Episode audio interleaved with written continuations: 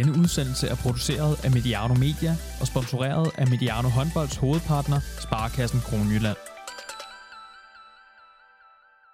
Velkommen til Mediano Håndbold. Jeg hedder Thomas Ladegaard, og i dag skal vi noget helt særligt. Det her det bliver en samtale, som både er en Legends udsendelse og en udsendelse i vores serie om børne- og ungdomshåndbold. Der er få idrætsudøvere i Danmark, der har været verdensmester. Der er ganske få verdensmester inden for en holdsport. Og taler vi kvindelige håndboldspillere, er det en ganske særlig gruppe, vi har fat i. Og en af dem skal vi møde i dag. Maja Nielsen, velkommen til Mediano Håndbold.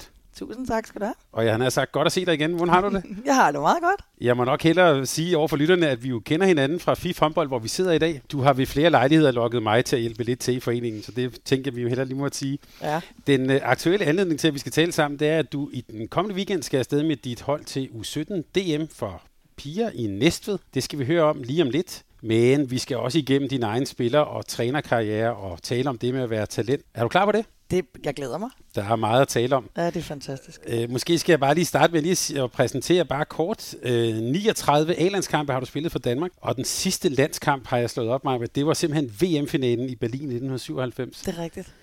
Og øh, så har du haft øh, været træner på rigtig mange niveauer. Nu er du fra U17-pigerne i FIF. Og lad os lige starte med det, det der med et U17 øh, DM, som I skal afsted og spille i weekenden her. Du har været med til mange finalestævner og DM-slutspil og pokalfinaler og alt sådan noget. Hvad, hvad er sådan en weekend øh, for en, når, når man skal afsted til det? Jamen, det er jo spændende. Det er jo ikke noget, så mange hold får lov at opleve, eller mange spillere får lov at opleve. Så det er en rigtig spændende øh, weekend, og det er jo spændende, fordi vi kan få lov at møde jyderne, som vi ikke møder særligt tit i løbet af året. Og så er det jo ligesom her, at den der brede håndbold lidt bliver forenet med eliten, synes jeg. Fordi at i løbet af turneringen, så løber vi rundt, og alle skal ind, og alle skal spille, og vi vil gerne have alle for altid. Og så lige pludselig, så gælder det på de her to kampe. Så det er spændende. Hvordan kan man mærke, du kommer lige fra træning, kan vi sige til lytterne, hvordan kan man mærke på, på de piger, der skal med og sådan noget, at nu er det, nu er det pludselig noget DM? Ja, specielt de er meget koncentreret. Altså, og vi, vi er jo nede på nørde-niveau lige nu, fordi vi er jo nødt til at nørde vores ting igennem, vi skal ret til, og selvfølgelig også, at vi gerne lige vil ordne nogle ting, som vi tænker modstanderne kommer med. Og det kan man mærke, de er meget mere koncentreret, og de er klar, og sjovt nok kommer de til tiden lige pludselig alle sammen. så nogle af de ting kan vi mærke, og så glæder de sig. Altså, de har jo spænding og kriller i maven, og så og i dag har vi jo lige fået vores medaljer og pokal fra Sjællandsmesterskaberne. Og det er selv det, går man op i, når man er 17 år. De var jublende lykkelige. Der, det er altid godt at vinde noget. Så, og nu nævnte du det der med, med bredde og en lille smule elite. Det betyder så også, at I træner, så man siger lidt mere på buen her. Altså nu, mm. nu, nu er det lidt mere noget, der kunne ligne noget voksenhåndbold i virkeligheden. Ja, altså man kan jo sige selv i dag, fordi der har vi jo både, vi har trænet øh, tre U17-hold samtidig og et U19-hold på banen på én gang. Så vi har faktisk, øh, som vi ret tit gør, delt os op i tre forskellige grupper, helt tilfældigt, hvor de så laver gymnastik og noget øh, jonglering, jonglering med bolde, og den sidste lavede de noget stige og lidt øh, træning på den måde. Og så har vi bare blandet, sådan så er alle får snakket med alle og hygget med alle. Og så de sidste tre kvarter har vi så koncentreret os på buen nede i den ene ende. Så det har været det er meget godt. Ja, det skal vi også lige tilbage på. Du har jo faktisk en stor gruppe piger. Udover at du har nogen, der skal til DM, så har du faktisk også andre hold her. Det kommer mm. vi lige tilbage til. Øh, men det her med sådan en, øh, sådan en, en, øh, en weekend her, hvad afgør egentlig, hvem der sådan står med medaljerne i sådan en weekend? Altså jeg tror, at noget af det afgør det, det er nerverne. Altså de er jo unge, de her piger, og vi har jo for eksempel ikke en eneste landsholdsspiller hos os, som de andre hold har. Så, og når du har været landsholdsspiller, har du prøvet lidt mere. Der har du prøvet at stå i nogle lidt større kampe og have lidt mere naver på. Fordi det, man har altid naver på, når man spiller landskampe. Det er jeg stensikker på. Det havde jeg i hvert fald altså også selv.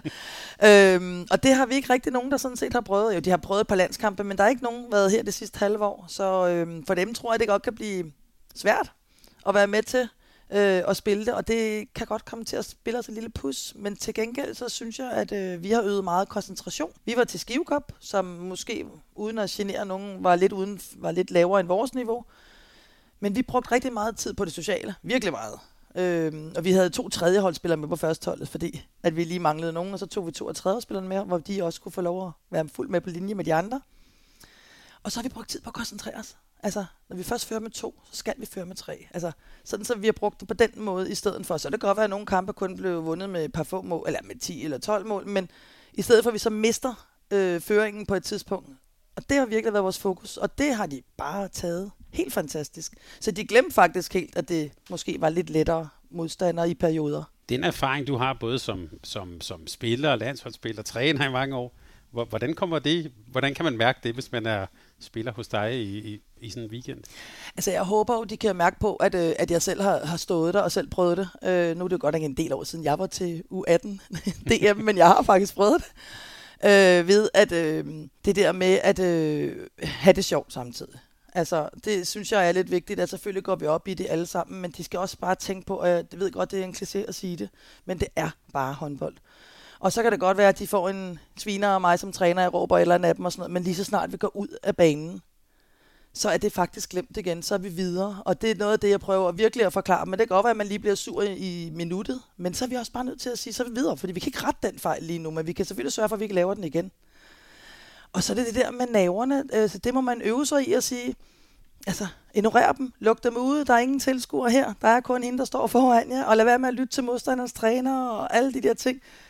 Og det synes jeg, øhm, det begynder at virke. Altså, og nu må jeg jo så se, det er jo noget helt andet, når de står der på lørdag, men jeg synes, altså, vi var jo nede og spille pokalfinale, hvor de også fik lov at mærke lidt af det, og det gjorde de uden problemer. Så jeg synes, de er, man kan ikke sige rutineret, når man er 17 år, men det er, de er, de er alligevel begyndt at blive det lidt, men vi skal godt nok møde nogle rigtig rutinerede hold, der er derovre. Uden du skal sætte sådan, du behøver ikke fortælle noget om dine spillere, men jeg tænker mere dit hold der. Hvad, hvad har I været gode til i år, øh, siden I nu står i sådan en, mm som, som, øh, som vinder af rækken og, og, og, og står i sådan et DM-slutspil? Jamen, jeg synes specielt koncentrationen. Vi havde en enorm dårlig start af, af sæsonen. Øh, og spiller to kampe mod Roskilde og mod Ajax, og det var to hold, der ikke ville lægge sig ned. Og det bliver mine piger meget chokeret over, at hvad for noget giver de ikke op? Vi fører med fire, så giver de op. Og det gjorde de hold bare ikke. Øh, og det var gode lærepenge. Øhm, og det synes jeg, fordi så havde vi jo så her til sidst, så havde vi jo seks kampe på 12 dage, hvor to af dem, så en var en pokalsemifinal og en pokalfinale oveni, og så tre, eller fire turneringskampe. Og det var jo hårdt.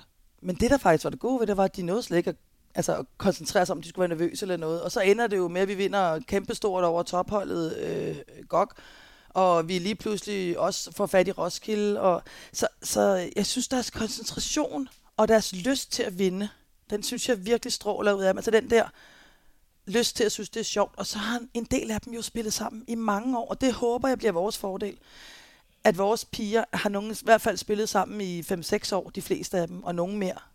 Det håber jeg bliver en fordel, hvor nogle af de andre klubber måske også har mange nye spillere på. En af, det, en af de øh, øh, træner, du kommer til at møde derovre, det er jo Kasper Andersen, som vi mm. nogle gange har brugt her på kanalen øh, øh, som ekspert.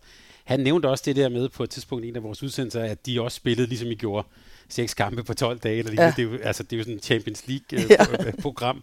Øh, ja. Hvordan takler man egentlig det? Altså, det er jo ja, det er jo ret usædvanligt, kan man sige. Plus, lige pludselig så, så står jeg og spiller rigtig, rigtig mange kampe på, på kort tid. Ja, og der var jo corona og influenza indover. Så, så vi starter jo med en semifinale ude i Ajax, hvor vi så bare tænker, piger, sådan er det. Vi spiller med det, vi kan, og der havde vi jo nogen hjemme med corona. Og vi havde taget, nej, vi kunne ikke tage nogle andre spillere op, fordi de havde spillet deres egen pokalturnering, så de måtte ikke være med. Så jeg tror, vi havde en eller to udskifter, og tog det, som det var. Og så ender det jo med, at vi får en stor sejr over Ajax, så det havde vi jo slet ikke regnet med. Og så var det ligesom, så var de i deres flow. Det synes de jo var meget sjovt. Og så skal vi jo så spille pokalfanen om lørdagen. Og, og vi aflyser så træningen torsdag, fordi vi godt ved, at vi skal noget om lørdagen. Øh, og så spiller pokalfinalen i Vallekilde om lørdagen. De kører bare derud af. Så tager vi lige til Odense om søndagen. og, og, og det har vi jo siddet og grint af, fordi det har jo været lange ture også. Ikke? Og så havde vi lige videre, øh, så havde, nej, vi havde jo lige gok om, undskyld, vi havde jo lige gok om fredagen også og sådan noget. Så, men jeg synes, at det der med, at de står sammen, og de koncentrerer sig, og at vi selvfølgelig også passer på dem. Øh, at vi husker at få givet dem de pauser, de kan få, selvom nogle af dem står og siger, jeg vil da ikke ud, jeg vil spille.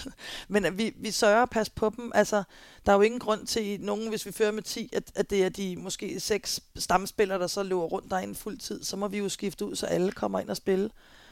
Øh, og indtil videre har det jo lykkedes os, og når vi har udtaget en spiller, så har de også spillet. Og det synes jeg er rigtig, rigtig, rigtig rart. Altså, så jeg tror, det er noget af det. Men Kasper, nu kan vi drille ham lidt her, han, han brokkede sig jo lidt over, at, øh, altså, at det, det bliver lidt for mm, komprimeret mm. for mange af de her ungdomshold, fordi så kan det være, der ligger en gymnasiefest eller efterskole, et eller andet, eller sådan noget. Men, men, men det synes jeg for eksempel, at vores vil jo også gerne til fest, og det var faktisk sådan lidt pudsigt, at øh, lige præcis øh, øhm, den øh, weekend, hvor vi skulle spille mod GOG om søndagen i GOG, der skal de, er der faktisk øh, gymnasiefest herovre på Falco, hvor de fleste af pigerne går. Og der må vi jo bare kigge hinanden i øjnene og sige, prøv at I må godt tage over til festen. Men er I søde at holde jer for alkoholen, og er I søde at gå hjem, når festen slutter, for den slutter kl. 12. Og det gjorde de jo. Skal lige sige, at vi trænede kvart over otte lørdag morgen. Det var der, vi havde træningstid. Men de gjorde det, og de kom faktisk til træning med, med lidt trætte. Efter 10 minutter, så havde de verdens højeste humør på, så var de bare glade igen. Og, og, og det, det synes jeg bare er fedt. Altså, jeg, bliver, jeg er imponeret over dem, det må jeg sige. Og, og, men ja, mine piger elsker at spille kampe. Hvem elsker ikke at spille kampe? Så slipper de for at træne og sådan nogle ting. Ikke? Så jeg tror, de synes, det var fedt. Hvordan takler du, øh, hvis du er ved det der med fester og sådan noget, altså at have et ungdomsliv? Mm. Hvordan, hvad er sådan politikken, eller hvordan, hvordan takler du det?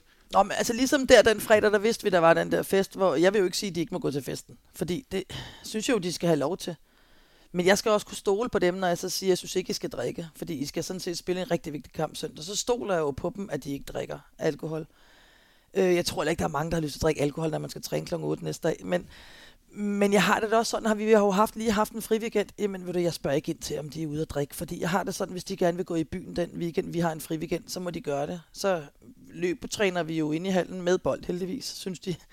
Øh, igen, når vi mødes. Og så kan man jo sige, så bliver de jo selv straffet, hvis de har været for meget ude. Men jamen, Thomas, vi har jo også været unge. Altså, Jamen, det skal vi slet ikke tale om. Nej, vel. Så, så, så, så, selvfølgelig synes jeg ikke, det er fedt, at de synes, de skal i byen dagen før, eller to dage før en vigtig kamp eller et eller andet. Der skal de have respekt for hinanden, og også for os trænere faktisk, som, som skal rundt herover frivilligt. Øh, og pigerne har jo givet en anden håndslag, inden vi startede turneringen. Altså, de blev spurgt, hvad de ville, og så... Vi har jo sagt, vi vil, hvad vi ville som trænere, men det var jo deres valg, fordi vi kunne jo godt synes, vi ville til DM, hvis ikke de gad, så det betyder det jo, så er det lidt mærkeligt, ikke? Altså, så kan vi jo ikke komme afsted. Og det har de jo alle sammen sagt, de ville. Og det vil sige, så er man også nødt til at ofre en lille smule.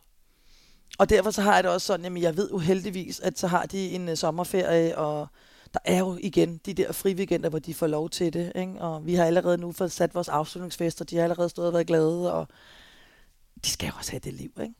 Altså. Og, og, og forskellen på, på alder, da vi var i den alder, og nu det kommer jeg til at spørge dig om lidt senere. Åh oh, nej. Øh, jeg skal lige sige, at vi bringer de her udsendelser i samarbejde med vores partner, Sparkassen Kronland, og dem skal vi lige høre fra her. Line Havsted. Mia Højlund. Jeg hedder Lise Burgaard. Hej, jeg hedder Jesper Jensen, landstræner for håndbolddamerne. Håndboldakademiet er for dig, der gerne vil blive en bedre håndboldspiller, og for dig, der bare ikke kan få nok af håndbold. Få øvelser og tricks fra andre håndboldspillere, og mød både tidligere landsholdsspillere og andre håndboldkoryfæer, og hør deres historier fra liv i håndboldhallen. Du finder Håndboldakademiet på YouTube, like videoerne og abonner på kanalen. Og tryk på den lille klokke, så er du altid opdateret med de seneste videoer. Majbet, øh, når du tager afsted her til, øh, til Næstved, så er der også, når man kigger ud på bænken, noget lidt usædvanligt. Der er nemlig et kvindeligt trænerpar, øh, når man kigger ud på jeres bænk. Sammen med Linda Willimos, der har du efterhånden en del over været sådan et, et fast par som, som pigetræner her, her i FIF. Og jeg er vel nærmest også de eneste kvindelige trænere, I har mødt i år, eller hvad? Ja, det må vi sige. Altså, det var lidt skægt, fordi vi startede med at tage over til HI Cup. Og så står vi derovre, og så kigger vi på hinanden, og der var nærmest ingen andre kvinder. Og vi tænkte, lidt mystisk det her. Og ikke nok med det, så giver de os det klasselokale, der er længst væk, og hvor toiletterne ikke dur. Altså to middelalder kvinder, der ikke har et toilet om aftenen, det går jo ikke vel. Men øh, det var meget sjovt, men vi stod der som eneste kvinder, og vi havde det sådan lidt, hmm, okay. Og det ærger mig jo lidt, at der ikke er flere øh, kvindelige trænere, der har lyst. Øh, jeg skal selvfølgelig også sige, at jeg, jeg, jeg har mest trænet drenge, men jeg må også indrømme, jeg synes jo, at, øh, at lige give noget til pigerne, og, og så når man kan finde nogle piger, der gerne vil så er det jo fantastisk. Jeg ved for nogle af pigerne, øh, vi havde nogle piger sidste år, nogle 03 piger, som faktisk kom og sagde, gud, var det også fedt at have en kvindelig træner. Mm. Fordi man kunne snakke med kvindelige træner om nogle andre ting, end man kunne med mændene, og det synes de faktisk var meget rart. Øhm, men det er da specielt, og vi er da også lidt stolte af det. Så vi har da også nogle gange vores flotte lyserøde bluser på at vise, at vi er rigtig pige kvinder, ikke? men øh, vi synes at det er fedt og nyder det. Jeg ved, at øh, TV2 øh, de kører faktisk lige nu et tema, øh, også over flere dage, som handler om det her, om, ja, man kan sige, få kvindelige øh, øh, toptræner. Hvis du skal pege på noget, hvor, hvorfor er det sådan, tror du? Altså, i, i min, jeg, jeg kan jo kun snakke sådan lidt ud for mig selv i hvert fald. Ud for mig selv blev det jo, at øh, jeg havde to børn. Hvis jeg også samtidig skulle tage alle de trænerkurser, der skulle til, plus at jeg ville jo gerne lave ting med børnene også, øh, så er det bare umuligt. Øh, og, og det ærede mig jo lidt, at jeg ikke fik gjort det, fordi jeg så også kom fra min egen håndboldkarriere. Det havde været måske alligevel lidt lettere. Men det er stadig en del weekender, der ryger på det, og det er altså svært, når du står med små børn. Og nu blev jeg så også skilt samtidig, så jeg stod alene med de små børn. Så det var, så det var rigtig, rigtig svært at, at få det til at, at hænge sammen. Og jeg t- kunne godt forestille mig, at nogle gange har det en del med det at gøre også.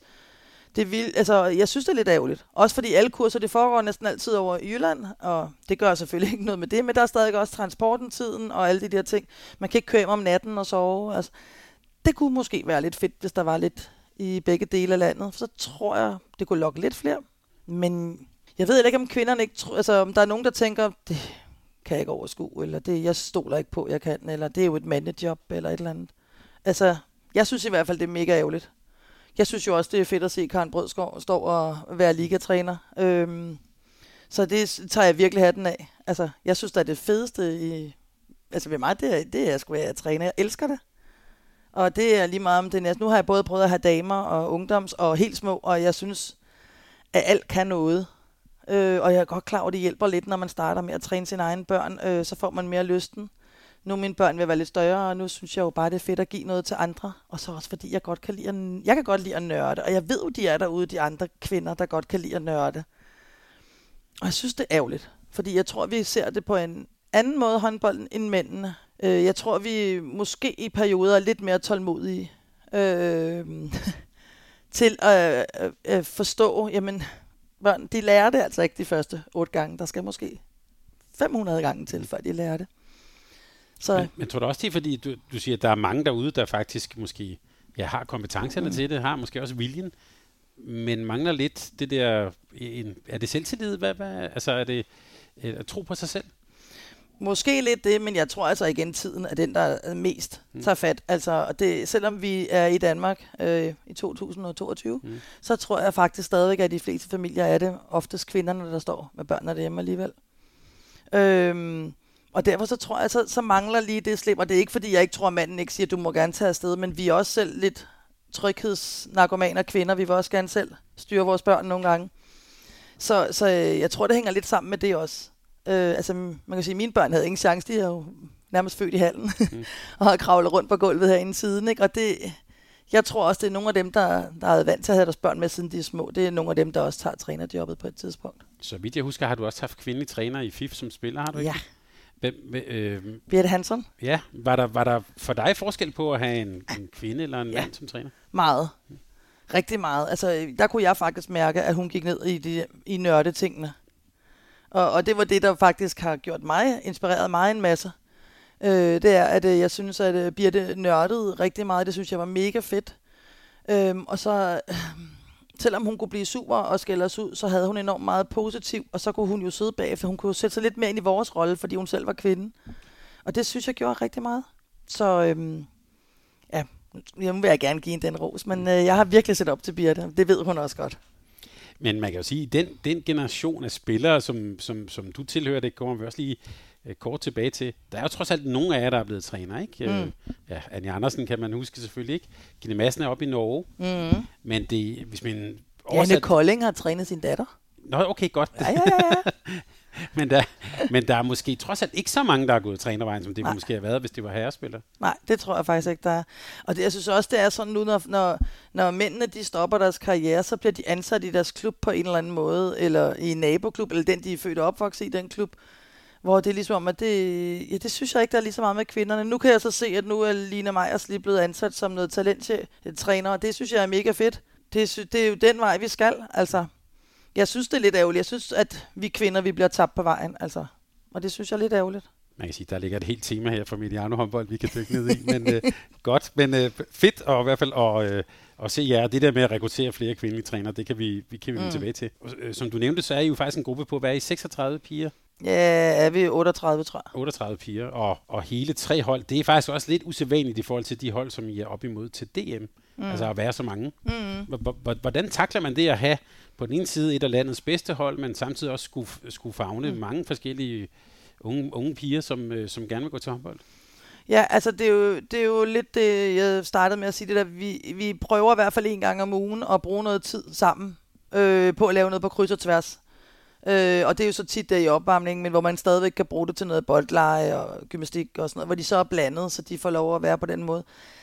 Og så undtagen her den sidste måned, men ellers så har vi jo så også, du ved, kørt kontra mod hinanden og spillet lidt mod hinanden. Og, og så er det jo simpelthen, det er jo en balancegang. Altså vi prøver jo at hente vores bedste U15-piger til at træne mod vores anden tredje holdspillere, og vi kører jo op og træner lidt med U19, så vi prøver at få det til at fungere.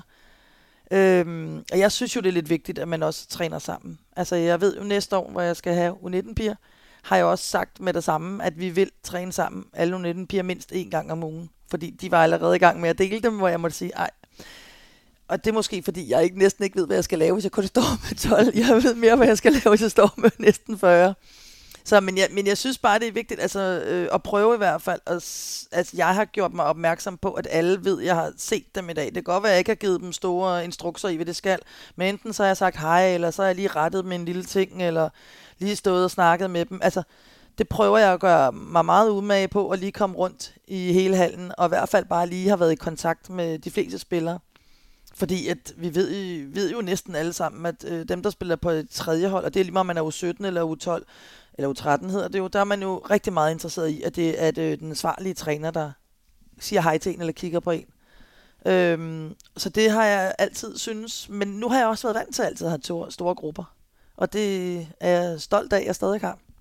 Men det er også en svær opgave. Du har jo øh, nogle spillere, som øh, øh, træner med, og faktisk også jo har spillet enkelte minutter for København håndbold i håndboldligaen mm. øh, i den ene ende, og altså, hvordan, ja, hvordan overkommer man mm. det? Altså, det er jo det, det er en stor bredde, kan man også sige, ja. eller en stor forskel ja. måske. Altså, for det første er det jo også vigtigt, at der er flere trænere end kun mig. Mm. Øh, nu er vi så en anholdstræner, så vi har ikke været så mange. Vi har kun været tre i år, og det er jo ikke særlig mange, når man står med så mange spillere.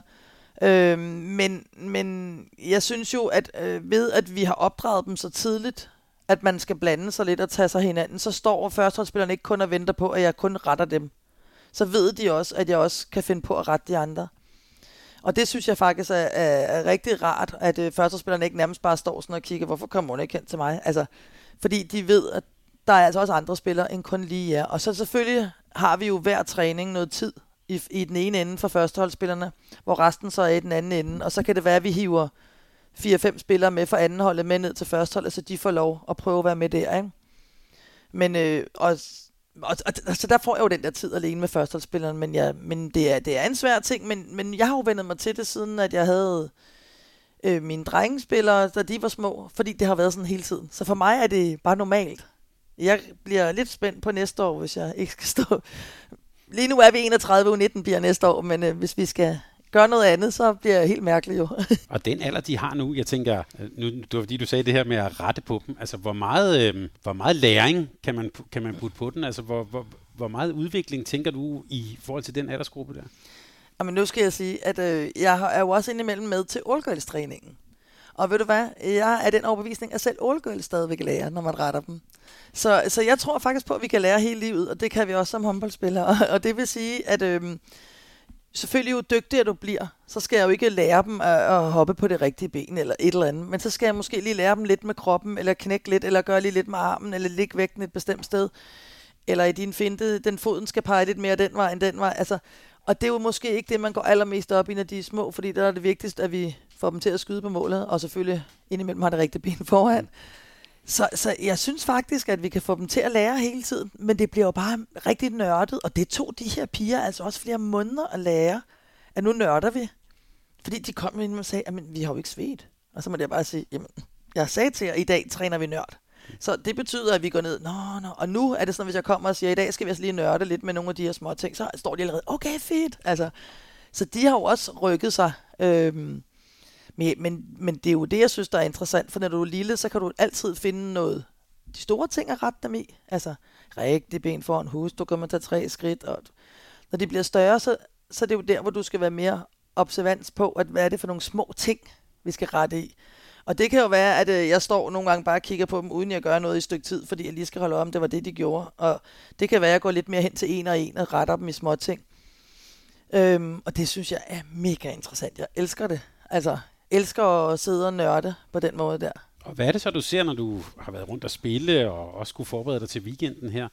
Den, den sådan øh, årgang, eller den gruppe af, af, af piger her, hvad, hvad er de gode til, og måske knap så gode til? Hvad, hvad kendetegner sådan en U17-pige? På vores hold, der er det, at vi dækker godt op og løber stærkt. Det er helt sikkert. Jeg synes, at de fleste, jeg synes faktisk, der er rigtig mange af de her 04-piger igennem faktisk i flere store dele af landet, hvor der er selvfølgelig nogle individualister, som er rigtig dygtige, men jeg synes faktisk også, der er rigtig mange hold, der er begyndt at blive gode til at dække op.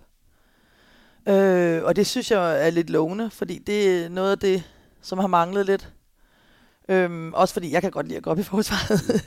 Men jeg synes, der er rigtig mange, der begynder at dække godt op. Øhm, og så gerne vil frem den ene vej. Øh, man skal også lige huske at løbe retur selvfølgelig. Men det, jeg synes faktisk, og så er der jo mange spændende 04-piger øhm, i hele landet. Jeg er jo lidt ærgerlig over, at så mange af sjællænderne har måttet rykke sig til Fyn og Jylland, fordi det var endelig en overgang, hvor Sjælland var i overtal med at være klart de bedste, synes jeg. Øh, og så er der jo en del, der både er rykket til Fyn og til Jylland. Så nu er jyderne og fynboerne dygtige, ikke? men det er mange af dem er jo sjællænder, der er på de to hold, og det synes jeg på en eller anden måde er lidt ærgerligt. Altså, vi havde jo et rigtig godt køgehold, som jeg synes jo var synd, og det gik lidt i opløsning, for eksempel, for et par år siden. Ikke? Men de unge piger vil jo også gerne videre. Og de ved jo godt, hvis de skal videre i deres voksenkarriere, så skal de også finde nogle klubber, hvor de kan ses, når de nærmer sig seniorårgangen. Og det er jo ikke sikkert, at man gør det i de små klubber. Eller det gør man jo ikke, så skal man i de store klubber. Men hvad er det så, du og, og, og klubben her, og sådan, hvad er det så, I kan tilbyde, som, ja, som gør, at man skal blive? Altså, du tænker sådan fremad? Eller ja, ja jeg, tænker, jeg tænker også, altså, hvis der er mange, der vælger at, at sige, jamen, så tager jeg til, til Skanderborg, ja. eller ja. øh, Herning Ikast, eller, ja. eller Sydøstfyn. Sådan. Hvorfor skal man så blive hos dig? Altså, jeg har det jo sådan, at øh, nu har vi jo også fået lavet et samarbejde med Yderen herinde i FIF, øhm, og det har jo givet nogle gode ressourcer, både i flere trænere og nogle spillere og i hallen, og, og, eller halvtider. Og det vil også sige, at øh, med tiden håber jeg jo, at FIF og Ytteren kan blive enige om at, at få rykket Ytterens damer op i første division, så vi kan beholde vores unge spillere på Frederiksberg, så vi både kunne have et anden division i FIF, et første division i Ytteren og KBH. Øhm, og så synes jeg jo specielt i år har KBH været rigtig gode til at kigge lidt på de unge talenter, og vi har jo haft en del med til træningerne. Altså på U17 har vi faktisk haft fire, eller var det fem? Fire, tror jeg, der har været med til deres træning, og så har der været to 19 piger med. Og det synes jeg jo er ret flot, og det giver dem jo motivation, at de får lov at være med på de der måder. Og ved at vi øhm, næste sæson er lige nu 31 U19 piger, så har vi jo overvejet, at vi skal prøve at se, om vi ikke kan lave det tricks, alle de andre gør. Vi vil også have to ligahold. Så det vil vi prøve, og derfor så satser vi på, at så er der flere, der kommer lov til at spille i den bedste række forhåbentlig. Og det går vi stenhårdt efter. Øh, for så kan vi udvikle, så får de lidt bedre modstand. Altså, vi har jo så mange dygtige 04 herover. Og der er jo et godt træningsmiljø, fordi de så er så mange gode. Så de, de kan hele tiden give hinanden modstand til træning. Og det synes jeg bare er super rart, fordi det bliver nogle gode træninger. Det kan jeg altså rigtig godt lide. Det er træning med fart på. Så jeg hørte dig sige, at du har ikke tænkt dig at lægge dig ned i... Nej, jeg taber ikke dengang. Der. Vi, vi, vi står op imod. Altså, jeg synes jo, det er dejligt, at man kan sige, at når FIFA har fundet ud af det nu, ikke? at øh, nu kan Frederiksberg være nødt til at stå sammen, og det er vi nødt til. Mm. Nordsjælland bygger noget op. Ajax har, har kørt videre på det, de nu har. Øh, Roskilde kører jo også noget godt dernede. Så øh, bare herover er vi nødt til at gøre noget så er der jo stadigvæk den største faktor i GOG, i hvert fald i forhold til os, og så er der jo selvfølgelig Skanderborg og IKAST. Så vi er nødt til at gøre noget her på Frederiksberg, for ellers lige præcis så flygter de. Øh, ikke flygter, men løber hen, hvor de kan få noget, hvor de kan det, de vil. Det er jo, kan man sige, talentfulde piger, du har med at gøre, mm. og øh, jeg fornærmer mig ikke ved at sige, sådan en har du også en selv, øh, selv engang været. Jeg har faktisk engang med set en, en anden øh, øh, topscorerliste fra da du var U18, hvor du scorede, jeg ved, nærmest 10 mål per kamp, selvom du var mand som dækket. Så vi kan godt sige, at du også engang har været talent. Når du så selv... godt, at jeg havde scoret et mål mere end, end Peter Brun Jørgensen. Ja, ja. Men, og det var godt. Men han kunne, så, han kunne så skyde med begge hænder. Det oh, ved ikke, om for det helvede. men, men, øh, han blev også mand som dækket. Men når du så ser på de spillere, som du træner nu, mm. i forhold til da du selv var i den alder, øh, og dygtige håndboldspillere. Hvad, hvad, er så nogle forskelle, du ser? Hvad er de store Ej, de er meget mere seriøse. Altså virkelig. Og de træner jo mere. Vi træner jo slet ikke så meget. Altså, det kan ikke siges, at vi var jo seriøse, når vi var til træningen. Så var vi jo rigtig seriøse og gav den gas og alt muligt. Slet ikke det. Men altså, jeg tror, vi trænede to gange om ugen. Så trænede jeg så hele tiden med en årgang ældre, så jeg trænede tre. Men altså, og styrketræning, at vi havde fire vægte nede i et eller andet rum, vi stod og hiv i, og det var det, ikke? Altså, nu, nu, de træner over, de går på idrætsskoler, og Team Danmark-linjen, og øh, Team Copenhagen, og jeg ved ikke, altså de træner jo hele tiden. De er jo mega seriøse. Altså, jeg kan heller ikke huske, at vi har snakket om kost, altså da jeg var ung. det var der først, altså da jeg, jeg kan huske, da jeg kom på ungdomslandsholdet, og så begyndte jeg at stå og bræge om noget kost og søvn, og så tænkte jeg, what? Altså, kan der bare spise mad? Altså, der er mad, jeg skal da bare spise den. Og så fik vi at vide, ah, det var godt at spise det og det. Og jeg tænkte bare, hvad for noget? Altså, det var vi slet ikke. Altså, jeg kommer også fra Alberslund. Sød, dejlig by, ikke? Jeg elsker Alberslund, ikke? Men jeg var jo ikke, vi var ikke lige i det øverste heat der på den måde. Selvom at med det hold, jeg spillede på, var vi også et godt hold og blev to til DM. Men det var jo ikke... Byen var jo stadig lidt mere en landby dengang. Nu er den jo ved at være up to date, ikke? Men, men øhm, så, så, så det der med alle de der ting, var jeg slet ikke med på. Jeg var sådan helt rystet, og jeg glemmer ikke den en af de første øh, fællestræninger med U18 øh, landsholdet. Og så stod Ulrik der og råbte, og jeg, kunne bare, jeg tænkte bare, det gider jeg ikke.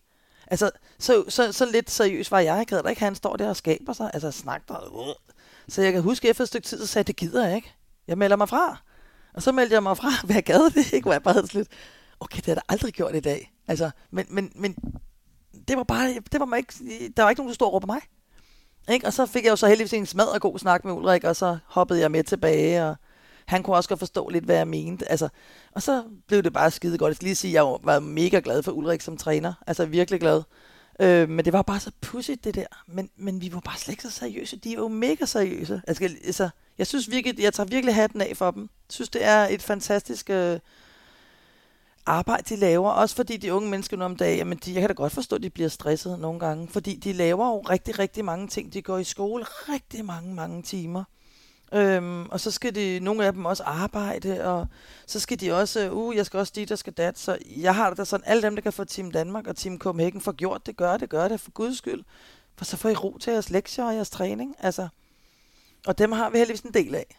Men er de også for seriøse? Altså, eller, Nej. eller for alvorlige med det? Nej, øh. altså, jeg har et par stykker, hvor jeg nogle gange må sige til dem, skal vi ikke sige i aften, så ligger du og ser Netflix og spiser en pus Matador Mix, og så mm. sidder de og glor på mig, som jeg er åndssvag. Ikke? Og lige her nu, hvor de fik de medaljer fra Sjællandsmesterskaberne, så siger jeg, så giver, hvis vi vinder DM, så giver klubben en gang breezer, så var de helt vilde. Ikke? Altså, mm. Men, men, men øh, jeg, de er seriøse, øh, men de vil også gerne noget med deres sport. Men jeg synes også, de samtidig, største del af dem, har også forståelse for at tage ind og se Tivoli, øh, rock, øh, Tivoli og alle de der ting, og hygge jer og være sammen. Og der er Falconergården, hvor mange af dem går på også rigtig god, fordi de har fester indimellem, og så jeg synes også, at de får gjort de der ting, og så er vi jo også opmærksom på, Linda og jeg, hvornår vi lige får givet dem en fridag, eller ja, får sagt nogle ting til dem, nu skal I lige passe på der, og jeg har da haft nogle spillere, jeg synes, der trænede for meget, som jeg tog fat i dem og sagde, hov, nu er det nok, nu skal du ikke, jamen jeg skal jo styrketræne så mange gange, nej, det skal du ikke, nu skal du stoppe. Altså, fordi jeg er jo nød, altså heldigvis så er det bedste skræmmebillede, ikke? Altså, der er jo ikke nogen, der nærmest tror, jeg har haft så mange skader som mig nogensinde. Så jeg er det bedste skræmmebillede ved at sige, at din krop har også brug for ro. Fordi jeg spiller overanstrengt. Altså, altså, og det synes jeg, de lytter rigtig godt til.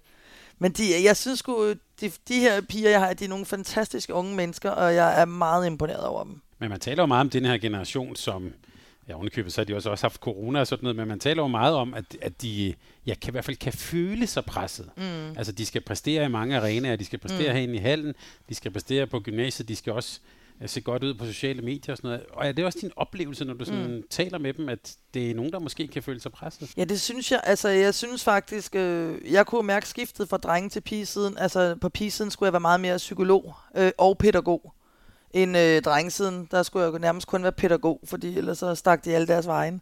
Øh, her skal jeg også være psykolog. Og, og det har jeg brugt rigtig mange timer på at snakke med parspillerne. Der er parspillerne, som virkelig har behov for at vide, at øh, altså prøv at høre, vi lærer altså ikke noget, hvis ikke vi laver fejl. Og vi vil hellere lave 70.000 fejl i vores træninger. Selvfølgelig kommer vi også til at lave fejl i kampene, men hvis ikke I først får prøvet det 1000 gange til træning, så er det jo endnu mere ærgerligt at gå ind i kampen og prøve det af. Lad os lige prøve det af til træning rigtig mange gange, så bliver jeg også trygge ved det, og så kan det være, at I tør at prøve det til, træ- til kampen. Og så er det okay, hvis det misser til kampen, men så har I gjort noget arbejde for at prøve det. Og det synes jeg faktisk, at de er blevet mega gode til, fordi det havde de jo svært ved i starten. Og sådan de så gjorde det i en kamp, så var de ved at tude. Altså, glemmer ikke i starten, jeg stod de første halve år og klappede dem, hver gang de smed en lang bold i kontra, fordi de ville ikke løbe jo. Så vi stod og klappede, og de, Andreas og Morten, som jeg havde dem sammen med på det tidspunkt, og de smed den jo ud af sidelinjen, og jeg tænkte bare, oh my god, man, det her det bliver aldrig godt. Men vi måtte jo stå og være positive. Ikke? Ja, det er godt, du tør kaste bolden. Hvad er det fedt, mand? Ikke? Og jeg synes faktisk, at vi har stadig et par stykker, som jeg har daglige og ugelige snakke med, og øh, for at hjælpe dem og stresse dem af. Og der er der også nogle gange, jeg siger til en, du skal ikke træne i morgen, du bliver hjemme og slapper af. Eller sådan. Det kan vi også godt sige til dem nogle gange. Øhm, og de, og heldigvis har vi jo aftalt, at man skal være ærlig. Så hvis man tænker, puha, lige nu kan jeg sgu ikke mere, så siger man det til mig. Fordi så finder vi også ud af det. Fordi lige præcis som du er inde på, de har altså også deres skole, de skal ordne. Den, den er altså vigtig. Fordi det, der, de, det, det er jo der, at de kommer videre i deres liv. Fordi så mange, altså selvom jeg håber jo altid på, at de alle sammen får en første division og ligaklub, og når de bliver store, og de kommer til at tjene masser af penge på det her. Men, men deres længste liv, det er jo uden for håndboldbanen. så de skal jo have den uddannelse, ikke? Men øh, jeg synes, at de, jeg, ah, de, de har virkelig rykket sig her. Altså, det var faktisk øh, et, det var faktisk godt at få de der nederlag. Det er ligesom om, det rykkede dem helt vildt med alt. Så jeg synes, det går web godt for dem. Jeg kan godt tænke mig at, at, at høre dine ord om, hvem det egentlig er, der så i sidste ende måske øh, slår igennem. Men jeg kunne måske starte med at spørge, hvorfor slog du egentlig igennem? Øh, hvorfor blev det til mange A-landskampe og så videre for dig? Jeg tror, uden at fornærme min kære tidligere og mange stadigvæk veninder ude i Alberslund, at jeg ville det bare rigtig, rigtig godt.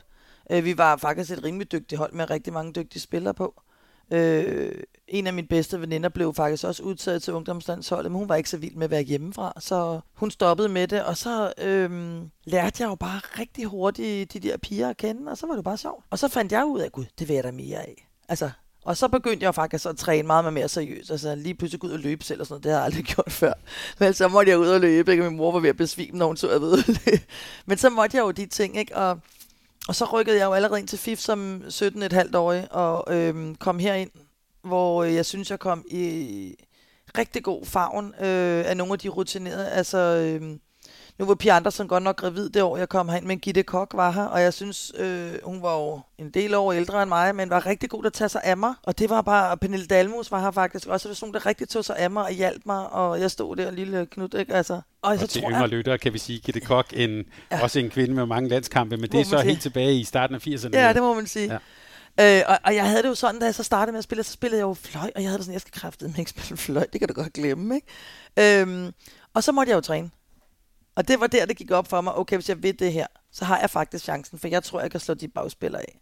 Og så begyndte jeg faktisk at være seriøs. Øh, altså virkelig, altså ikke fordi jeg var ikke usøgs, jeg, jeg har faktisk aldrig været øh, under de 22, har jeg aldrig været en, der har drukket så meget alkohol. Det snakker vi ikke om senere, men, øh, men, men, øh, men jeg var, trænede jo ikke. Altså, kom jo derude fra, vi kom derude fra, vi trænede sgu ikke så meget. Vi hyggede os.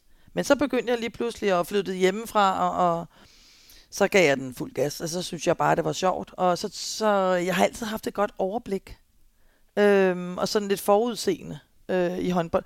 Fordi jeg har ikke været sent, der lige lavede 400 skruballer og sådan noget, men Lop, det var mit yndlingsskud, men, men øh, alt det andet, det, jeg lavede sgu ikke lige et eller andet teknisk dimsedut, men øh, jeg, jeg synes selv, at jeg var en klog håndboldspiller, og jeg kunne forudse ting.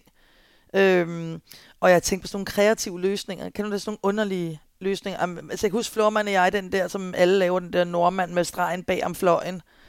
Øh, og så lavede vi den, en dag stod vi ude i Brøndby, og så skulle vi lave den, og så, åh, vi kommer aldrig igen, og så stod vi og snakkede, ej, men nu hvis jeg sætter en screening, og du får en returbold, bum, og nu ser man den bare bliver lavet i rigtig mange steder, og vi står jo og er vildt stolte, fordi det var sådan noget, vi stod og lige fik, fandt på, ikke? Så jeg tror, det er lidt den der, altså, håndboldforståelsen, at jeg var, var god til. Øhm, var det ikke det i, i Vildbæks landsholdstid? Var det ikke det, der altid blev kørt i undertal? Øhm, jo, det blev altid kørt. Norman. Norman retur. den hed en Norman med retur, kan jeg huske. Den blev kørt hver gang. Men hvornår opdagede du, at du var god?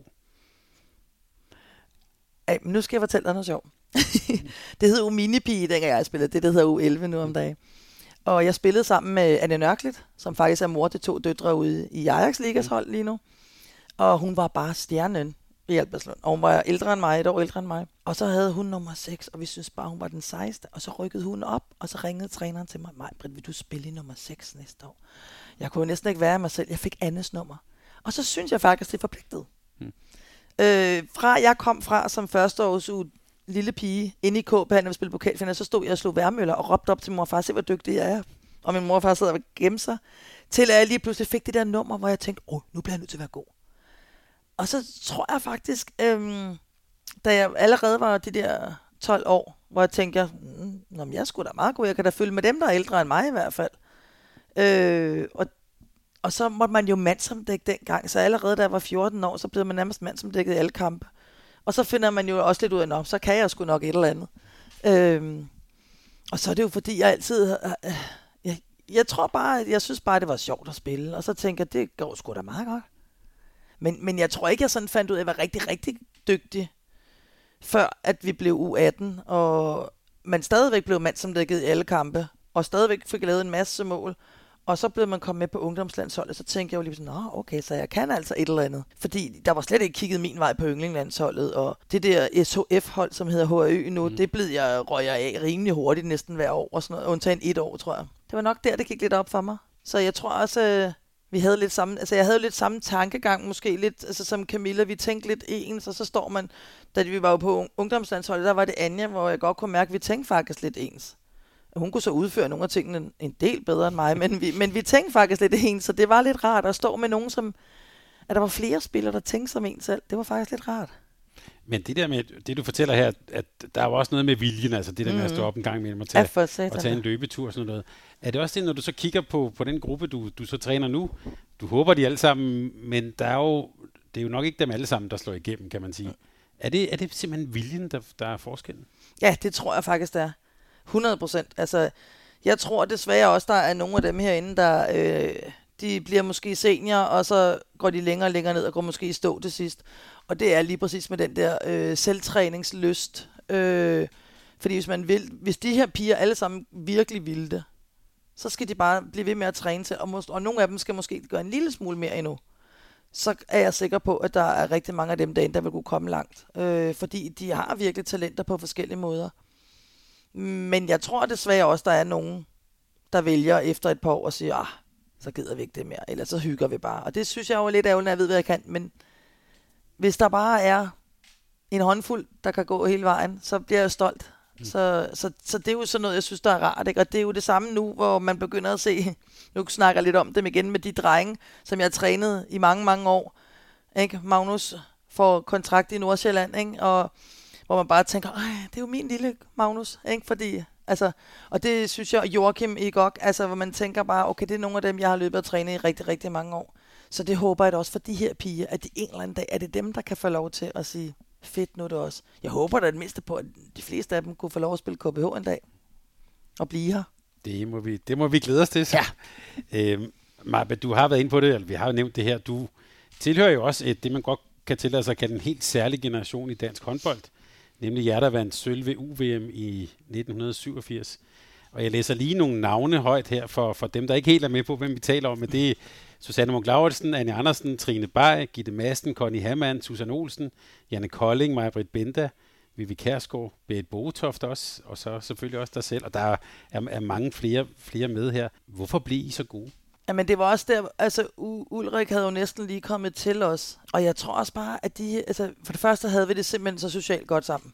Og det tror jeg bare er det vigtigste på hvert hold, at man har det godt socialt sammen. Og det havde vi, vi havde det mega godt sammen. Altså vi glæder os hver gang til vi skulle være sammen. Ikke til vi skulle træne eller spille, men til vi bare skulle hygge os om aftenen og i løbet af dagen, fordi vi havde det så godt sammen. Øhm, og så ville vi alle sammen. Altså jeg, vi var jo nogle af de første i Danmark, fordi vi ville det her. Altså, og, og vi var jo sure, altså, vi var jo sure, fordi man stod og så det gamle kvindelandshold, som faktisk godt ville, men de blev ikke taget seriøst eller noget som helst, og så stod vi der. Nu kunne det være nok. Jeg kan huske, vi stod og sagde til hinanden, nu, nu er det altså nok. Nu skal kvindehåndbolden fremad. Vi vil det her. Og så tog vi jo bare Danmark på en eller anden mærkelig, mærkelig måde, som med storm. Altså, jeg kan huske de der haller, de der bitte små haller, det var sat til, at vi skulle spille i til UVM på hjemmebane. og vi kom ud i hallerne, og den ene hal, det var nede i, i Tinglev, tror jeg, folk de hang ud over den der balkon, og de kunne ikke være der, og så skulle vi have spillet i en anden hal, der måtte de flytte det til en anden hal, fordi der var simpelthen udsolgt, de var bange for, at der kom for mange mennesker. Altså, vi havde jo fyldt det haller. Vi var et ungdomslandshold. Og så tror jeg, at det der med, at alle var bare så smilende og glade.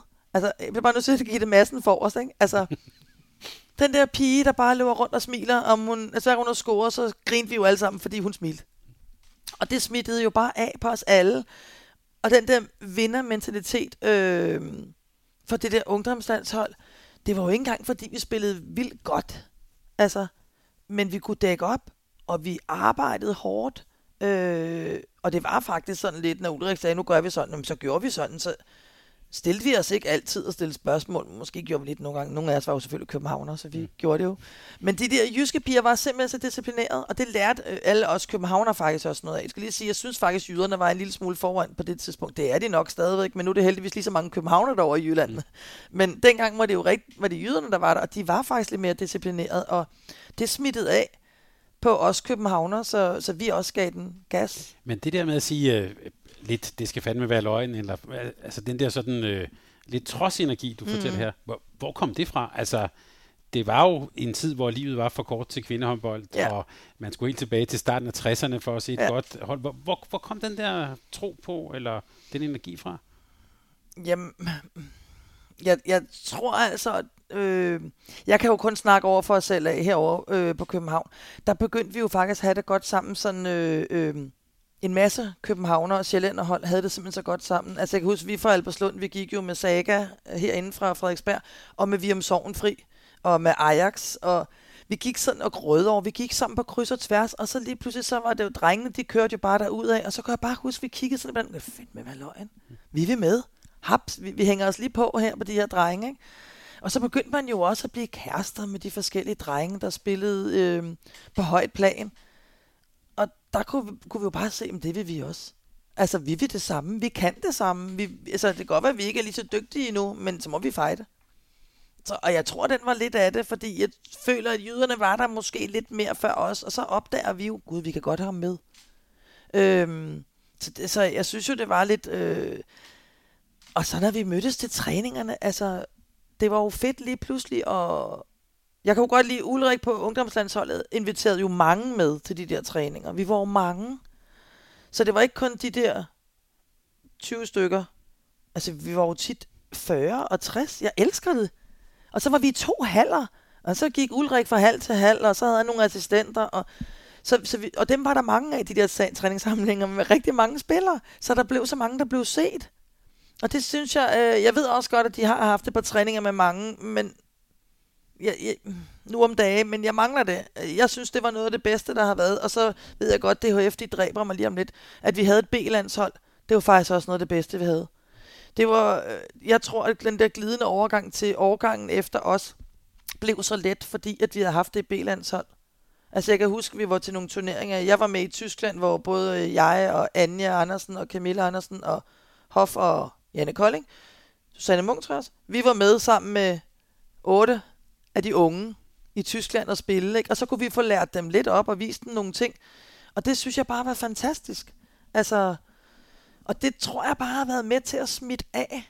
Nu synes jeg jo, det er fedt at se nu, nu der begynder at komme noget igen. Øh, og de damer, der spiller på A-landsholdet nu, det er jo også nogen, der har været der i mange, mange, mange, mange år. Men det er ligesom om, at de har forstået den der energi, den der... Øh, og, og det, jeg tror, det var det, vi havde allermest. Det var den der lyst og den der agerighed, ja, og så den der vilje. Altså, godt være I er bedre end os, men vi kan eddermame slå jer. Altså, kom her ind, skal I få ind på hovedet. Og det kunne vi jo alle sammen jo. Altså, på ungdomslandsholdet inden Vivi Kærsgaard, der var altså ikke nogen, der løb ind i hende. Det kan jeg godt love dig for, så fik de en på låget. Så, ja, men altså, der, det er så mange blandede ting. Altså, jeg ved ikke, om det giver mening. Jamen, det gør det, og det, det, det lyder også som sådan noget, netop som sådan noget på, på trods, eller, mm. altså, for der var jo heller ikke så mange, udover måske Ulrik Vilbæk, der troede på jer. Nej, det var der ikke. Men til gengæld troede han også vi, vi, helt vildt på os. Ja. Altså synes jeg jo, at han havde nogle forskellige assistenter indover, og på et tidspunkt får vi Kim Jensen, som også troede helt vildt på os. Altså, Øhm, men, men Ulrik, han troede jo helt vildt på os. Altså, der var ikke, altså, det var jo sådan, så også Københavner-piger, vi trænede jo så med op i Vium en gang om ugen i perioder. Så meget troede han jo på os, at så skulle vi stå der foran uh, Peter Brun Jørgensen ikke? og Kim Keller, der havde de hurtigste fødder, ikke? så stod mm. vi der, ikke? men vi gjorde det sgu. Ikke? Altså, vi gik ind og gjorde det bedste, vi kunne, og var ikke flove over at blive snydt over de der unge fyre der, vel, som bare tog røv på os nogle gange. Mm. Vi fortsatte jo bare ikke, og da Ulrik han lige pludselig siger, nu skal vi spille mod et, et, et, et juniorhold, U16-hold hedder det vel den nu. Skal vi spille mod dem i en træning, som stod bare glødet på, okay, skal vi spille mod 15-16-årige dreng, hvad laver du? Ikke? Altså, og så fandt vi ud af, hold da kæft, ikke? Og så begyndte vi jo faktisk at blive en vane, da vi så kom på A-landsholdet, spillede vi jo rigtig meget mod sådan nogle unge drenge der. Og det har bare givet vildt meget, altså. Men jeg giver dig ret, altså Ulrik han troede jo på os i... Og jeg tror også, der vi nåede frem mod det der UVM, jeg, vi var Vi var øh, på nogle forskellige turneringer. Vi var nede i Frankrig, tror jeg, hvor vi manglede 3-4 af vores stjerner. Altså, som var dem, der havde startet inden altid. Og så lige pludselig, så var det så mig og Annette fra Hvide Sande, der skulle starte inden sammen med Anja. Og vi havde ikke startet inden os tre. Det havde været de andre, der startede inden. Og så vinder vi turneringen. Ikke? Og der kunne man se, og de, DHF lige pludselig gået, hold da kæft, nå, hvad fanden var det for noget? Ikke? De kunne vinde den turnering, ikke? Så, og Ulrik begyndte at tro på det, fordi pludselig så havde han sådan en bred trup. Så, øh, så det var ligesom startskud, synes jeg. Men det, jeg synes jo bare, det er en sjov pointe, at set i bagspejlet, så virker det jo indlysende, Atlanta og guld i Berlin og sådan noget. Mm. Men da I startede, var det jo en meget, meget lille gruppe mennesker, yeah. som der faktisk ikke rigtig var nogen, der troede på, eller Øhm, og så beviste de det på trods, det synes jeg er en... en... Og, og noget af det, altså jeg kunne, der var også nogle oplevelser, du ved. Jeg kan huske, vi var nede i Ungarn og skulle træne dernede. Og så var hallen, den, der var et eller andet med den, så vi kunne ikke komme ind og træne med i den. Jeg kan ikke faktisk huske, hvad der var galt. Så trænede vi på en asfaltsbane. Og heldigvis havde mange af os spillet Terramo Cup nede i Italien, så vi havde prøvet at være på asfalt. Der var ikke nogen, der pev. Altså i hvert fald københavnerne. Der var ingen københavner, der pev på det tidspunkt. Og lige pludselig så var det jo helt mørkt. Vi kunne nærmest ikke se bolden. Og så siger Ulrik, nu er vi også nødt til at stoppe. Og så stod vi bare sådan, nej, nej, nej, nej, Ulrik, vi skal lige, vi er ikke færdige endnu. Og han stod bare, okay, de er vilde, de her piger, fordi vi stod bare og spillede, vi kunne jo slet ikke se bolden. Men... Og der tror jeg også, det gik lidt op, Ulrik, okay, de vil det. Altså. Han har faktisk i en anden sammenhæng fortalt, jeg tror også her på kanalen, at det var den oplevelse, der faktisk fik ham til at se, at her ja. var noget helt særligt. Ja, det kan jeg godt forstå, for det tror jeg også og gik op for os selv også. Fordi, og så kan jeg også huske, at vi var på et diskotek. Vi, vi kørte forbi med bussen med et diskotek, så siger vi altid, vi skal da danse, Ulrik. Og så lige pludselig kommer han og siger, ja, vi at vi går på disco, og så stod bare sådan, øh, what? Ja, men I skal så også danse mindst, mindst en time, eller sådan, sagde han så. Nå, okay, så vi stod der og dansede en time, så var det jo faktisk et træningspas nærmest, ikke? Så det var faktisk lidt skægt alligevel. Hvad, hvad har du som, hvad kan sige, som person som mig, hvad har du taget, der, taget med dig for hele det forløb? Altså det med at være med i den gruppe, og ja, også den succes, som den gruppe fik? Jamen, jeg synes, det er vigtigste, jeg har taget med, det er det der med at behandle hinanden ordentligt. Altså at være gode sammen. Øh, også fordi, at øh, når vi så trænede, så gik vi jo til den, altså på fulde gardiner, mand. Altså for eksempel i de sidste par år, hvor jeg stod med Tonja Kærgaard, og vi stod jo, vi ville jo begge to gerne spille, og jeg var da godt klar over, at Tonja var bedre end mig på stregen, for hun spillede der i fuld tid og havde spillet der i 100 år. Jeg havde ikke spillet der så mange år, og hun var klart bedre, der var slet ikke noget der. Men vi stod jo og hjalp hinanden 100 procent når vi spillede så, og trænede, så stod vi jo og gav en råd og vejledning, og der var jo ikke nogen konkurrenter på den måde, vi var jo sammen. Og det, det tror jeg bare er nogle af de ting, jeg prøver på at lære dem herinde også. Når I står dernede, Fløj, så stå lige og snak sammen. Hvad kan I gøre? Hvad kan I ændre? Hjælp hinanden. Øh, tag nu fat i hinanden. Tag fat. Når vi går ud over stregene, så er vi bare bedste venner igen. Altså, og så har vi, laver vi jo en masse, vi prøver at lave meget socialt, fordi jeg tror faktisk på, at hvis man kan lide hinanden, og man har noget respekt for hinanden, så vil man gøre alt for hinanden. Altså, så tager man kuglerne. Ikke? Altså, det er sådan lidt den, den filosofi, jeg sådan har lidt. Og det synes jeg, de er ved at være, de er ved at være der. Også fordi de har kendt hinanden i mange år. Ikke? Men du har formentlig også set sådan en dokumentar som den der landshold i knæ for VM i Japan i 19, hvor der så ud til at være meget hårdt at være på det danske kvindelandshold. Mm. Hvad, hvad, hvad er dine tanker, når du ser sådan det nuværende landshold, måden de var sammen på der for eksempel, i forhold til måden I var sammen på? Jamen jeg kan jo se på dem, der er der nu. De er ved at have nogenlunde det, vi havde. Og det kan jeg jo se, for det kan du også se på de sociale medier, at når de ligger op af billeder. Det er jo næsten de billeder, jeg har på min net hende. Øh, jeg synes også, der er, altså, de hold, der er der nu om dagen, de skal også være meget i øh, medierne. Altså, de skal hele tiden være meget på øh, SoMe og rundt omkring. Og det må også være hårdt for dem at hele tiden, øh, og det er jo ikke kun dem selv, jeg mener, det er også, at der hele tiden nogen, der tager noget af dem og sådan nogle ting. Øhm, da de var der i Japan, øh, der tror jeg desværre også, der var en masse fnider socialt i gruppen. Og øh, det synes jeg jo bare viser lidt min point, at man, det kræver, altså, at man øh, kan respektere og acceptere hinanden. Det er i hvert fald det allervigtigste. Jeg siger ikke, at man skal være bedste slyngveninde med nogen, men respektere og acceptere hinanden, det er det aller, allervigtigste. Og det tror jeg, der var lidt problemer med dengang, til, på det hold der. Og så, og, så, og så ved jeg ikke, altså, jeg, nu vejer jeg der ikke, men jeg har det jo sådan, hvis man spiller på et landshold, så spiller man på et landshold. Og så er der bare ikke noget at gøre ved det, for det er træneren, der bestemmer. Så det kan godt være, at man bliver utilfreds eller et eller andet, men det er faktisk træneren, der bestemmer. Og sådan har jeg det faktisk også lidt på et klubhold. Det er træneren, der bestemmer. Man må gerne komme hen og komme med nogle ting. Men hvis træneren siger A, og træneren bliver ved med at sige A, selvom spillerne siger noget andet, så gør man A. Fordi så er det trænerens fejl, hvis der bliver fejl. Det er ikke spillerens. Og det tror jeg ikke rigtigt, at de var på den Japan-ting der. Der tror jeg, at de var faktisk ret ligeglade med, hvad Claus sagde. Og det synes jeg var lidt ærgerligt, at de ikke øh, var lidt mere og hørte efter, hvad han sagde. Hvor jeg kan se nu, der virker det som om, at der bliver lyttet og hørt efter. Øh, og troet på det, Jesper siger. Og det er jo det vigtigste, at man får sine spillere til at tro på det, man siger. Fordi det er jo den, der er kunsten, synes jeg, ved at være træner. Det er jo det der med, at selvom man er usikker på det, man siger, så skal man i hvert fald ud af til at vise, at man er helt sikker på det, man siger. Jeg kan da også nogle gange godt tænke, what, man, var det det, jeg sagde? Nå, jeg holder bare fast i det. Altså, nu gør jeg det bare, ikke? Og så, og så, og så hvis jeg tror på det, så tror de jo også på det. Og det tror jeg er rigtig vigtigt. Hvordan ser du, øh, ikke for at du skal være spokkonen her, men, men når du ser dem spille, hvordan ser du deres potentiale? Er, er det et hold, der har en del gode år foran sig? Er der jo stadig nogle af dem, der er rimelig unge jo. Øh, jeg synes, at det begynder at ligne noget. Øh, jeg synes, at på stregpositionen er vi rigtig, rigtig godt besat. Og på målmændene. Jeg skal da være ærlig at sige, at øh, det er jo fordi, jeg godt kan lide Mirai spillestil. Hende savner jeg der stadig lidt på landsholdet. Så er jeg også den type, der synes, det er fedt, hvis en fløj selv tør at lave noget. Øhm, det var det, vi var stærke til dengang. Det var, at vi havde Janne og, og Hoff. Faktisk også, der Flor spillede, og Lone Mathisen. Altså, de skulle da nok, og Helle Simonsen gjorde det faktisk også, de skulle da nok lave nogle finder ind imellem. Her, jeg synes, der bliver lavet for lidt, og det vil sige, det bliver for let at dække dem op. Der er Lærke Nolsø, der nogle gange prøver, og ellers er der ikke rigtig nogen, der gør det. Det savner jeg lidt. Øhm, men, men jeg synes, der er noget potentiale i dem. Altså, en Anne Mette, en Anna Mette Hansen, hun ser ud til at være i topform, og jeg kan godt lide den spillestil, hun har. Nogle gange bliver den måske for meget, men jeg kan godt lide den, fordi hun øh, kører godt mod kassen. Mie Højlund er jo også en af dem. Altså, jeg synes, der er ved at komme nogle af de der krudugler, som tør og skider lidt på, om de laver en fejl. Og det er det, man skal kunne. Og det synes jeg, de er ved at være der. Jeg, synes, jeg tror sgu, de bliver gode. Og jeg kan bare sige til lytterne, det der med fløjene, det kommer vi i den nærmeste øh, måneds tid til at lave et helt nørdet afsnit om, for øh, ja, fløjrollen og den type fløje, som for eksempel Annette Hoffmann er jo nærmest stort set forsvundet øh, for håndbold. Ja, skal du bare se i weekenden. Godt. Det glæder vi os til, hvis, der, hvis du har noget på vej der. Maja, her til sidst, øh, det vi har talt om her, er jo nærmest også et, han har sagt, et langt liv i håndbolden. Mm. Hvad, hvad er det, der stadigvæk, når du skal afsted til sådan en weekend her, hvad er det, der stadig motiverer dig? Hvorfor får du lyst til at tage afsted der? Ej, hvis jeg skal være 100% ærlig, ikke? Jeg elsker at vinde. Det er nok det øverste. Altså, jeg elsker, elsker, elsker at vinde. Og det er om så, jeg spiller kortspil. Jeg elsker at vinde. Bare spørge børnene over på arbejdet. men, men, øh, men det motiverer mig også at komme ud og se god håndbold. Altså, fordi jeg synes faktisk, at øh, der er rimelig meget pænt ungdomshåndbold i Danmark. Øh, jeg synes, det er spændende at komme ud og se, og så elsker jeg det taktiske i håndbold. Og det er måske også derfor, jeg ikke altid er helt pjattet med 7 mod 6, fordi at hvis ikke man kan spille, så kan man bare ty til det. Øh, der savner jeg, at trænerne er lidt, kan blive lidt dygtigere, så man kan komme ud af rollen, uden at skal køre 7 mod 6. Øh, det er min indstilling på det. Men jeg kan jo godt forstå, når den må bruges, at man kan gøre det. Jeg synes bare, det er ærgerligt, fordi det bliver ikke lige så seværdigt i håndbold. Men jeg elsker det der med, at skal være taktisk bedre end modstanderens træner. Øh, det synes jeg er et virkelig fedt spil i det. Og så elsker jeg jo også at kan sidde og se på nogle andre, og se nogle, få nogle fif for nogle andre ting. Det synes jeg også er fedt.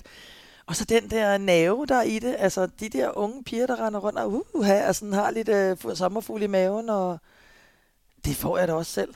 Øhm, det skal jeg da være lige at sige. Men jeg er nok hurtigere til at smide den.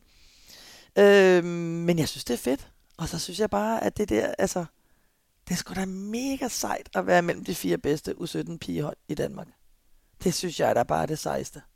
Øh, skal så lige sige, jeg er faktisk også rigtig stolt af mit anden og mit, mit tredje hold, fordi de ligger altså også bare rigtig flot til. Altså anden holdet har ligget i turneringen med simpelthen så mange første hold, og har ligget og slået dem. Så noget synes jeg jo også bare for sejt. Det bliver jeg simpelthen så stolt, og derfor, jeg skal i hvert fald bare stå og være stolt og glæde mig til det. Maja, det er et godt sted at slutte. Ja. Yeah. Tak fordi du var med. Ja, det var så dejligt. Og så det er på sin plads at sige held og lykke til dig, men også til alle de andre hold, der skal afsted ja. spille DM og afslutningskampe og så videre her i weekenden. Held og lykke til dig og til dem. Tak skal du have. Tak. Tak fordi du lyttede til en podcast af Mediano Håndbold. Hvis du kunne lide udsendelsen, så husk at abonnere på Mediano Håndbold, der hvor du hører podcasts. Så får du den seneste udsendelse serveret direkte til dig.